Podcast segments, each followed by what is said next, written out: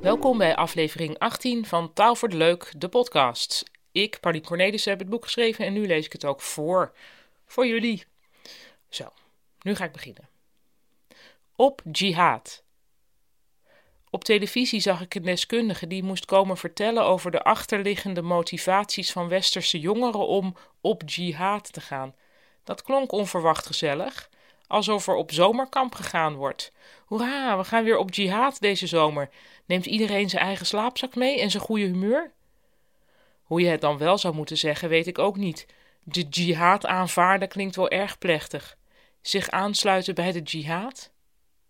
Ik ben wel eens verbeterd omdat ik het over op vakantie gaan had. Het was met vakantie gaan, zei de zeer keurige dame uit Wassenaar met wie ik in gesprek was. Ik voel tussen deze twee varianten totaal geen verschil, maar van keurige dames uit Wassenaar neem ik veel aan in de sfeer van subtiele nuanceverschillen. Later las ik dat op vakantie meer gebruikt wordt door katholieken en met vakantie door protestanten. Misschien dat ik er daarom niets bij voel. Ik ben geen van beide. Voorzetsels, het blijft lastig. Zeggen de meeste mensen iets als ik zit op voetbal, in delen van Brabant en Limburg zit je onder voetbal. Klinkt meteen heel onderdanig, alsof je ook echt gaat doen wat je coach zegt. Maar ons voorzetselgebruik is sowieso willekeurig. We zitten op een school, maar in een klas. We zitten in het café, behalve als we in België zijn, dan zitten we op café. Wat voor Noorderlingen weer klinkt alsof je daar een soort cursus bier drinken doet. We gaan op studiereis, maar met verlof. Misschien moeten we het voortaan maar over onder jihad gaan hebben. Schreef. Nog niet zo lang geleden veranderde Google ineens van logo. Eerst had Google een chique letter met een schreef, daarmee uitstralende: Wij zijn het moderne equivalent van een encyclopedie met een lederen omslag. En toen hadden ze ineens een modern schreefloos lettertje. Dat schijnt beter leesbaar te zijn op kleine schermpjes. Schreven zijn de kleine dwarsbalkjes aan de uiteinden van letters. Zo, ja, dan zet ik erbij zoals de letters in dit boek, maar dat kun je natuurlijk niet horen. Ja, schreef, schreefloos spreken of met een schreef spreken, dat kan niet. Goed, maar je begrijpt wat ik bedoel, denk ik, die kleine, ja, zo'n flupje bovenaan een, een L of een, of een V of, uh, of een I. Dat zijn schreven. En die bestaan al sinds de Romeinse tijd. Ze schijnen bedacht te zijn door mensen die in steen letters moesten uithakken. Het ziet er netter uit als het einde van een lijn duidelijk te zien is, in plaats van dat een i een soort amorfe scheur is. Ook zou een letter met schreef lekkerder lezen dan een lettertje zonder. Dit is precies omgekeerd aan het argument dat Google gebruikt. Wie heeft er gelijk, de schreven of de schreefloze? In het Engels heet de schreef een serif, wat exotisch klinkt, een beetje zoals Omar Sharif. Hoe de Engelsen aan serif komen is niet helemaal bekend, maar er gaan stemmen op dat ze het hebben van ons woord schreef. Dat zou betekenen dat er ooit iemand een C, de C in ons woord schreef, als een E heeft gelezen. En een H over het hoofd heeft gezien en twee E's vertaald heeft als een I, maar daar gaat het nu niet om. De grote vraag is: in welke vorm is ons woord schreef de Noordzee overgestoken? In een schreefloos lettertje of in een letter met schreef? Omdat het woord serif in de 19e eeuw opduikt, moeten we haast wel concluderen dat er schreven zijn gebruikt. En dat het verkeerd lezen van de schreef dus misschien komt door diezelfde schreef. Conclusie: Google heeft gelijk met dit schreefloze logo. Veel beter leesbaar. Leuk ook dat Google bij het afscheid van de schreef toch een kleine knipoog naar de Nederlandse typografie deed. De E in het huidige Google-logo leunt wat naar achteren, zodat hij lijkt te lachen Precies wat wij kennen van de eetjes van Heineken, bedacht door Freddy zelf. Betoveren. Om niet meer te achterhalen redenen kwam ik terecht op een website voor elektrische barbecues. Daarop stond: Betover de hele stad vanaf uw balkon met de geuren die uit het sissende voedsel vrijkomen. Een eye-opener Blijkbaar bestaan er mensen die barbecuen zonder vaag schuldgevoel over wat ze bij de buren veroorzaken. Die, sterker nog, denken dat ze de stad een dienst bewijzen. Oh, om zo vrij in het leven te staan. Sul. Ja, dit stukje heet Sul, maar eigenlijk heet het streepje S-E-L. Ja, Seoul. Er verscheen een VN-rapport over Noord-Korea waarin Noord-Korea natiepraktijken verweten werd. Opvallend was dat het woord nazi daarbij letterlijk viel. Minder opvallend was dat Noord-Korea alles ontkende en alles onzin vond. Verzinsels, zeiden ze, volgens het nieuwsbericht dat ik las.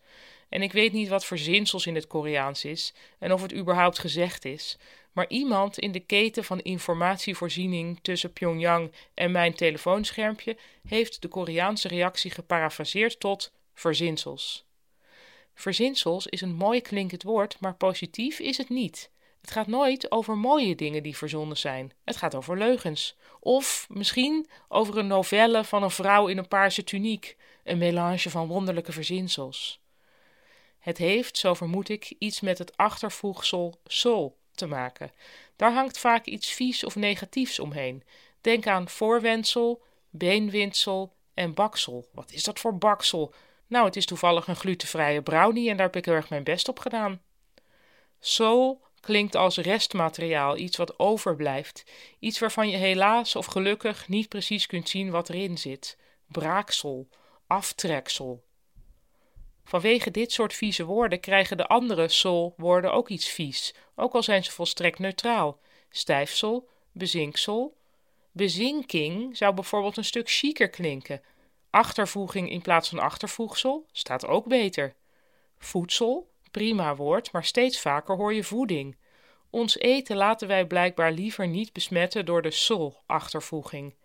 Ing maakt de dingen minder tastbaar, terwijl sol de tastbaarheid zelf is. Er zijn maar weinig woorden die op sol kunnen eindigen zonder meegetrokken te worden in een sfeer van negativiteit. Hulde aan deze woorden, hulde aan raadsel, aan zenuwstelsel en aan biodiesel. De Duitse kuil. Het strand van Texel. Het was heerlijk weer, maar een windje stond er wel. Omdat wij meestal maar half voorbereid zijn, hadden we alleen een plastic zak met schepjes bij ons. Een windscherm gaat ons planningsvermogen te boven. Maar kijk eens aan, daar troffen we een verlaten kuil aan. De kuil werd meteen door ons geïdentificeerd als Duitse kuil. Terwijl de rest van het gezelschap kastelen ging bouwen vlakbij de branding, legde ik mijzelf neder in de kuil. Het was heerlijk en uit de wind. Er naderde een familie. De vader zei altijd hetzelfde met die Duitsers. Ze graven een kuil en ze gaan erin liggen. Hij zei het op geërgerde toon, alsof het iets onbetamelijks was om een kuil te graven. Dat Duitsers kuilen graven op het strand is waar. Niet bekend is of het kuilengraven wellicht inmiddels is overgenomen door andere nationaliteiten.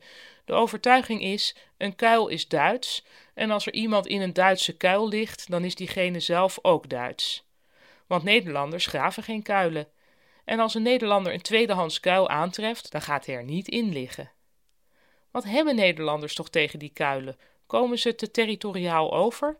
Maar waarom geldt dat dan niet voor zo'n burcht van windschermen?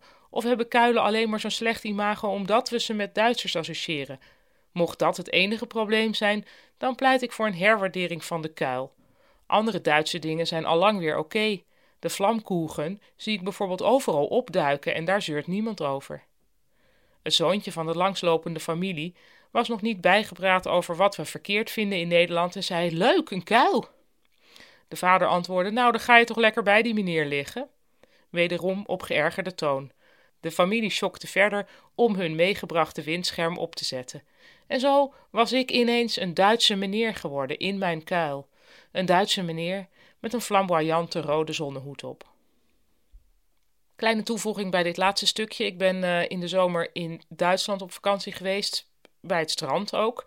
En er zijn dus plekken waar, waar je verboden wordt om een fort te bouwen op het strand. Dus het is toch wel echt wel iets wat Duitsers nog steeds in ieder geval graag doen.